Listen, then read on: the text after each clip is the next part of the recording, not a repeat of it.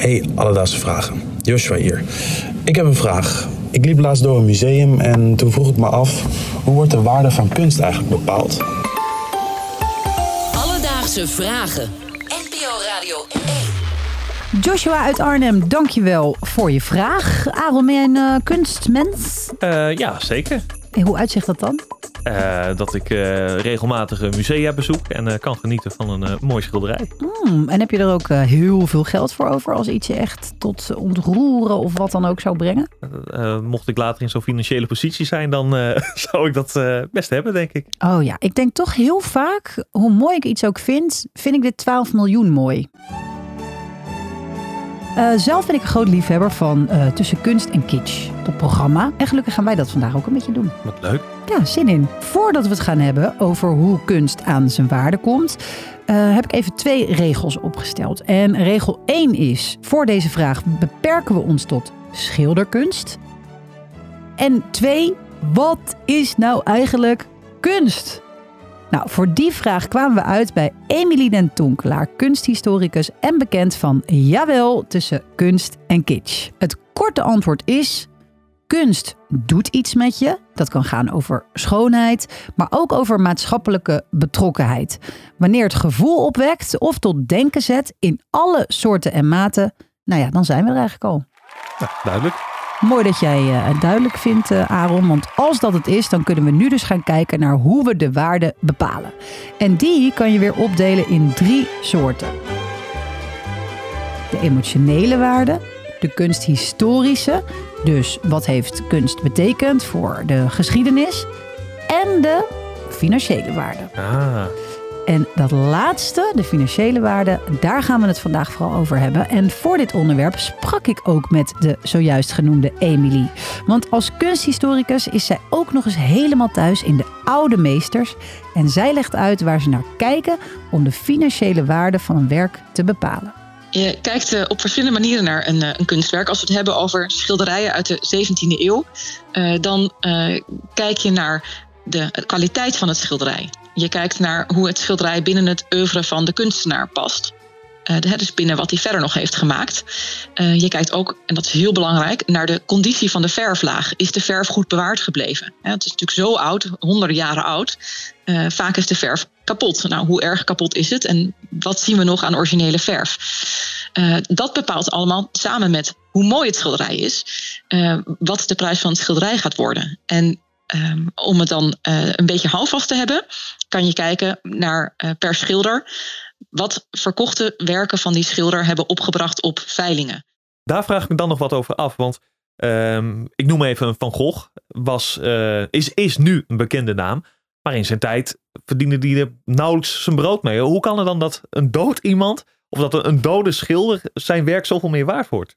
Een dode schilder en de waarde, daar gaat Emily je ook over bijpraten. Dat heeft te maken met tijd. Achteraf pas wordt vastgesteld, goh, dat was eigenlijk een kunstenaar die ontzettend belangrijk is geweest voor bepaalde ontwikkelingen in de kunst. En het heeft ook te maken met mode. Dus er zijn vrouwelijke schilders uit de 17e eeuw die 20, 30 jaar geleden helemaal niet heel veel opbrachten, terwijl het waanzinnig interessante en mooie schilderijen zijn. En die nu veel meer opbrengen, omdat we nu kijken, hé, hey, we missen eigenlijk in de musea schilderijen die door vrouwen zijn gemaakt. Alledaagse vragen. Emily die heeft ons net best wel goed bijgepraat. Het klonk allemaal heel secuur over hoe, eh, hoe je de waarde bepaalt van een schilderij. Terwijl ik toch nog steeds een beetje in de veronderstelling leef dat je behalve de Emily's op deze wereld ook mensen hebt die eh, gewoon graag willen pochen. En dat we dan dus in de categorie terechtkomen.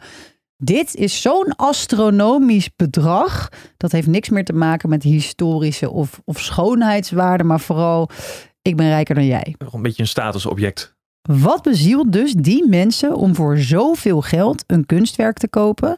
Nou, daar hebben we ook iemand voor gesproken. Een dat is namelijk. Ja, een therapeut. Nee, dat is Pieter van Os, journalist bij de NRC. En ook nog eens auteur van het boek Tussen Kunst en Een groeiende groep miljardairs. eh, voor wie het kopen van kunst aantrekkelijk is. Nou, dat komt natuurlijk omdat je hm, kunt er natuurlijk mee opscheppen. Hè. Je wil, op een gegeven moment heb je die jacht al en heb je al een eigen eiland gekocht.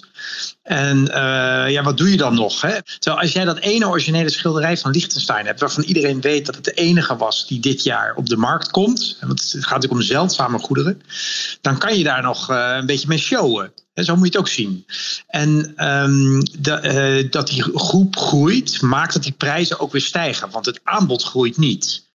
Merel, misschien kan jij de Mona Lisa wel vervalsen. Je, je wil mij echt niet zien schilderen. dus dat zit er helaas niet in. Maar wel leuk dat je over de Mona Lisa begint. Want ja, je wil natuurlijk weten, de schilder, het schilderij. Het meeste werk. Hoeveel zou dat nou opbrengen, mocht dat geveld worden?